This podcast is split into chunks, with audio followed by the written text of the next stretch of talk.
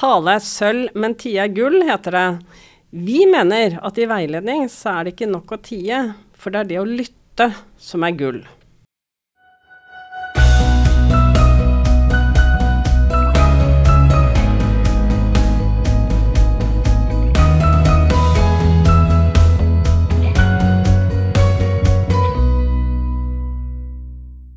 Du lytter til Veiledningshjørnet. Vi er en del av Veilederbua, opplæringskontorets podkast for deg som er instruktør for våre lærlinger. I Veiledningshjørnet hjelper vi deg å fylle verktøykassa med metoder for veiledning, slik at det kan bli enklere og morsommere å være instruktør. Jeg som prater nå, heter Gro Blomdal, og sammen med meg sitter min kollega Lise Ødemark.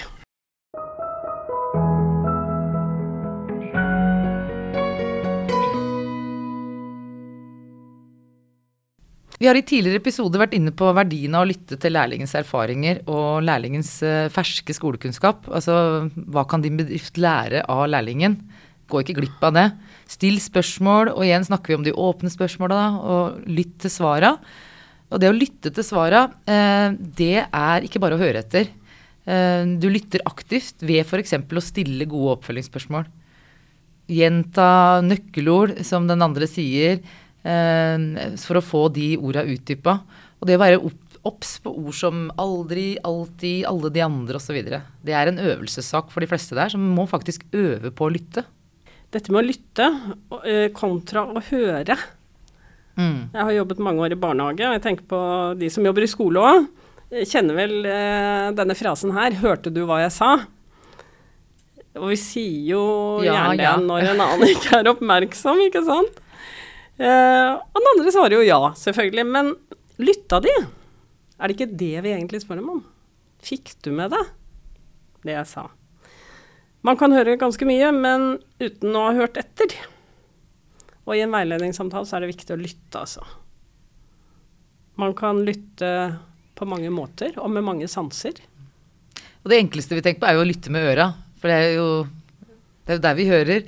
Eh, og man må først og fremst høre hva som blir sagt. Altså hva er budskapet? Mm. Og det er de nøk nøkkelorda. Altså eh, hva er det som blir eh, Hvilke nøkkelord er det kan henge, henge, ting på her? Men også det å legge merke til stemmeleie. Altså hvordan er det? Er det, er det flyt i det som blir sagt? Er det, er det lys, mørk?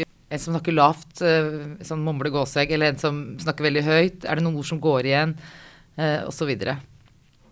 Ja, jeg tenker også sånn altså blir stemmen Begynner man å bli litt aggressiv, mm. eller demper seg Ja, det kan uh, fortelle mye. Mm. Men man kan jo lytte med mer enn ørene òg. Man kan lytte med øynene. Uh, er det endringer i mimikken, f.eks.? Mm. Eller uh, bevegelse, kroppsspråk. Snur vedkommende seg litt bort? Eller uh, synker litt sammen, eller retter seg opp. Det kan fortelle deg mye. Og lytt litt med magefølelsen òg, tenker jeg.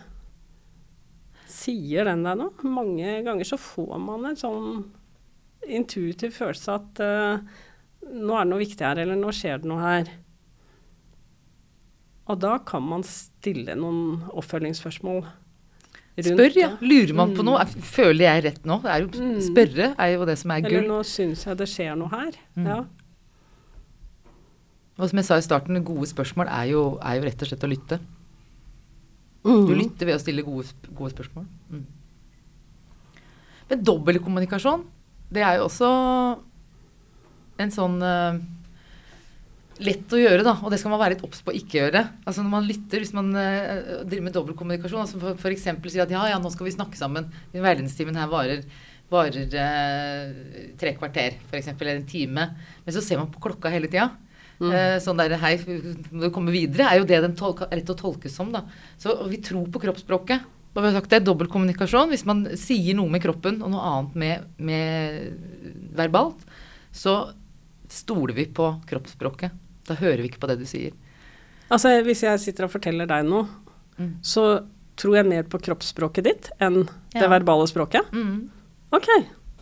Så hvis jeg sier at ja da, jeg har god nok tid, vi hører, vi skal selvfølgelig, vi har tid til å Jeg hører på deg, jeg, jeg hører på alt du sier, men så sitter jeg helt urolig, ser en annen vei, som du sa. Ser på klokka. Å, nå går klokka her, nå skal vi snart videre til noe. Mm. Ikke sant? Da er det mm. det, du, det er det du tror på. Det er bevist. Ja, jeg Knise, tror, men det er det. jeg tror det, jeg, Lise. Men man kan lytte med lyder òg. Ja, absolutt. Og det er jo det, jeg, jeg hører jo sjøl at jeg sitter og sier mm, mm, for jeg sitter og nikker selv om ingen ser oss når du, når du snakker. Og det er jo det en sånn lyttelyd, da. Uh, og, uh, og sånn det med dobbeltkommunikasjon Altså det å lytte med Hvis du hever, blikk, hever øyenbryna f.eks. Hæ, mener du det? Kan jo det bety. Uh, men det å, å, å, vise at du følger med, gjør du både med Både med ja, sånn Sånn mm, det er lyttelyder. Mm, ah, ah ja. Ja. Ikke sant? Fortell mer om det. Ja. Men så er det i en situasjon hvor man ikke lytter, og det er hvis man avbryter Det er så lett å avbryte. Det er så lett å tenke at 'å, dette vet jeg noe om', Å, her har jeg en historie òg'. Ja. Og de fleste av oss kjenner jo noen som vi opplever det kanskje ganske hyppig, at uh, avbryter med sånt.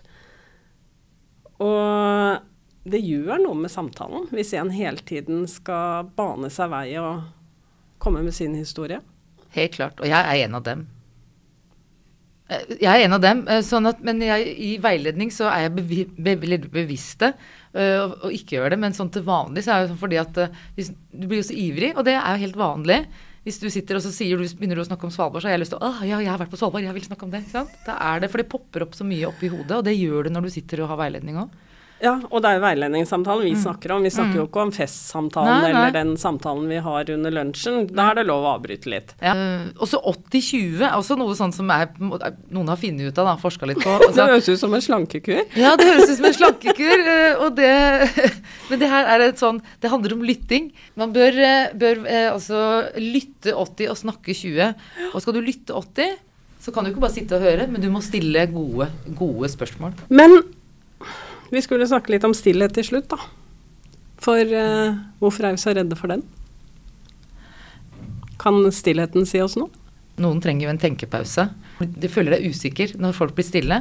Hvis, du, hvis jeg stiller deg et spørsmål og du ikke svarer, så er det lett for at uh, jeg bare fyrer på, ikke sant. Da, da, spør jeg mer, eller spør på en annen måte, eller uh, har du ikke skjønt hva jeg mener, ikke sant. Eller et eller annet sånt. Så, så spør jeg bare nye spørsmål. En av oss må snakke, liksom? Ja. ja for mm. å fylle det tomrommet, og det er ikke nødvendig.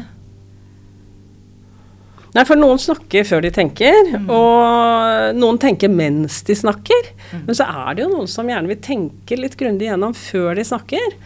Og det må man tåle. Det må man tåle, så i, i dem Ikke vær redd for stillheten, er jo det Nei, tren på å holde ut den. Ja. Og Dalai Lama har sagt noe, noe, lurt som jeg tenker kan oppsummere litt det her med lytting. da. Når du snakker, så gjentar du egentlig da gjentar du bare det du vet. Men når du lytter, så kan du muligens lære noe nytt.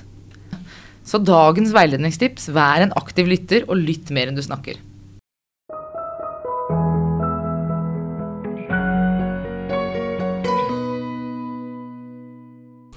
Veiledningshjørnet lages av Opplæringskontoret for helse- og oppvekstfag. Du finner støttemateriell til mange av episodene våre i OLKs ressurssenter. Ta gjerne kontakt med oss om du har innspill til tema for podkasten eller har spørsmål til oss.